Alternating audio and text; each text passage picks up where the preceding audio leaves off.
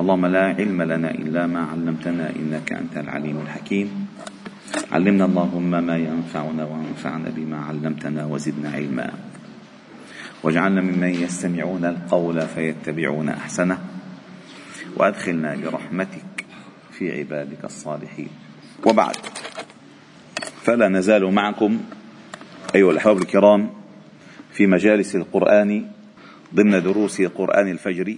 وقد وصلنا إلى قوله تعالى في سورة النساء يا أيها الذين آمنوا أطيعوا الله وأطيعوا الرسول وأولي الأمر منكم. فإن تنازعتم في شيء فردوه إلى الله والرسول إن كنتم تؤمنون بالله واليوم الآخر ذلك خير وأحسن تأويلا. هذه آية تسمى آية المنهاج منهاج الحياة. إن أنت الآن في حياتك من الذي هو يلي أمرك يرشدك يأمرك ينهاك؟ من؟ إلى من ترجع؟ عند الاختلاف عند التنازع عند الخصومة. من هم أولى الناس بطاعتك؟ وبأن تعطيهم زمام أمرك. من؟ وتذكرون أن الآية التي قبل هي قوله تعالى إن الله يأمركم أن تؤدوا الأمانات إلى أهلها وإذا حكمتم بين الناس أن تحكموا بالعدل. إن الله نعم ما يعظكم به. إن الله كان سميعا بصيرا يا أيها الذين آمنوا أطيعوا الله وأطيعوا الرسول وأولي الأمر منكم. إذا هناك أمر أساس في موضوع الأمانة والحكم بالعدل. فإن محور العلاقة مع الله مع الناس مع النفس هي هذه. اولا الله تعالى من أسماء الحكم العدل. الحكم العدل. فإذا كلما كنت قريبا منه كان حكمك بالعدل وكان أمرك بالخير وكنت صاحب أمانة. وكلما ابتعدت عن حكمه وأمره وأداء الأمانات كنت بعيدا عن الحق بعيدا عن الخير. وبما أنه تحتاج البشرية لمن يسوسهم فالنبي صلى الله عليه وسلم يقول كانت بنو إسرائيل تسوسهم الأنبياء كلما هلك النبي قام النبي.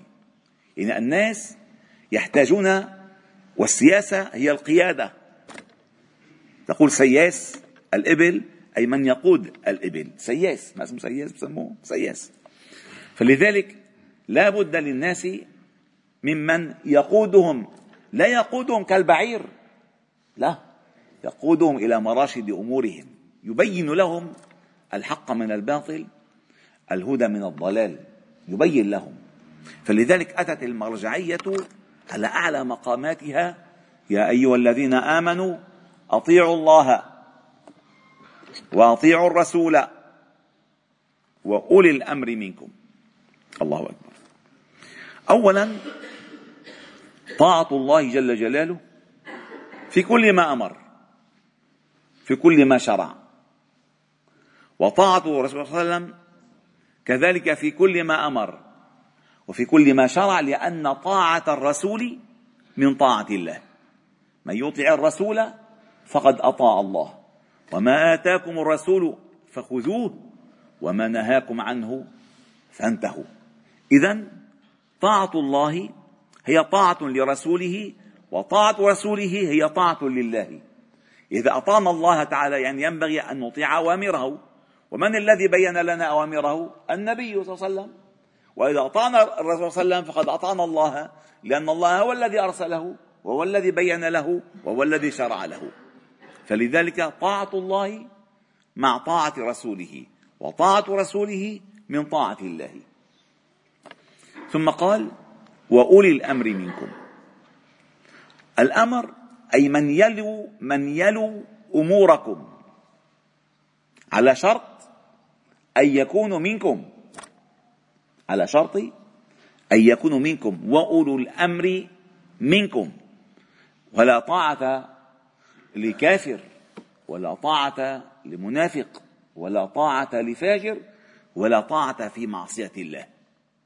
إذا إذا كانت ظاهرة الطاعة لله وظاهرة الطاعة لرسوله فطاعة أولي الأمر على شرط أن يكونوا منكم وعلى شرط الآخر أن تكون أوامركم أوامرهم إليكم هي من أمر الله وأمر رسوله حتى تصح لهم طاعة.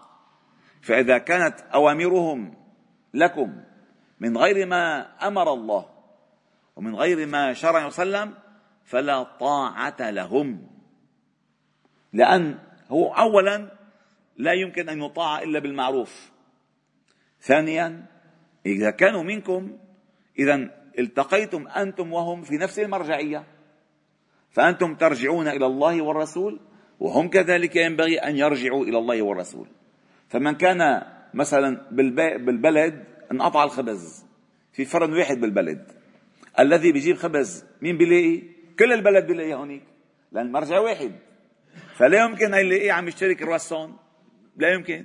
الخبز شيء والكرواسون شيء ثاني إذا المرجع واحد إذا نلتقي جميعا هنا. لذلك قال الآية فإن تنازعتم في شيء فردوه إلى الله والرسول ولم يقل إلى أولي الأمر منكم. أبدا. لأن حتى أنتم إذا اختلفتم معهم أو حتى هم إن اختلفوا معكم ينبغي أن يعودوا في حل التنازع والخصومة إلى المرجع الأوحد. هو الله ورسوله. فإن تنازعتم في شيء والتنازع ما هو التنازع أولا؟ الجذب. يعني هذا بينزع الشغل اللي عنده هذا بينزع الشغل اللي عنده. لا هذا لي لا هذا لك أنا حقي أضربكم لا ما حقك تضربنا من الذي يفصل؟ الله ورسوله. كيف؟ إما بالنصوص الثابتة بكتاب الله بالسنة صلى الله عليه وسلم أو بالإجماع ما أجمعت عليه الأمة أو بالقياس. أو بالقياس التي يستنبط الأحكام من ممن هم أهل لذلك لعلمه الذين يستنبطونه منهم. وإلا فليس هذا حسن تأويل وليس هذا حسن مآل. فقال ذا إن كنتم تؤمنون بالله واليوم الآخر لأن المرجعية واحدة. فإن تنازعتم في شيء فردوه إلى الله والرسول. إن كنتم تؤمنون باليوم الآخر أي ترجعون إلى المرجع واحد. ذلك خير وأحسن تأويلا. ليش أحسن تأويلا؟ أي أن تؤولوا أموركم من خلال فهمكم لكتاب الله تعالى والسنة النبوية خير لكم من أن تؤولوا أموركم إلى أفهامكم وإلى آرائكم وإلى أهوائكم. فما نبع من كتاب الله تعالى هو الخير لأن الله لا يأمر إلا بالعدل ولا ينهى إلا عن الفحش عن المنكر والفحشاء والبغي.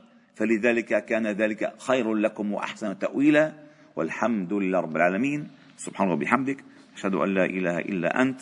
نستغفر ونتوب إليك. صل وسلم وبارك على محمد وعلى آله وأصحابه أجمعين. الحمد لله رب العالمين.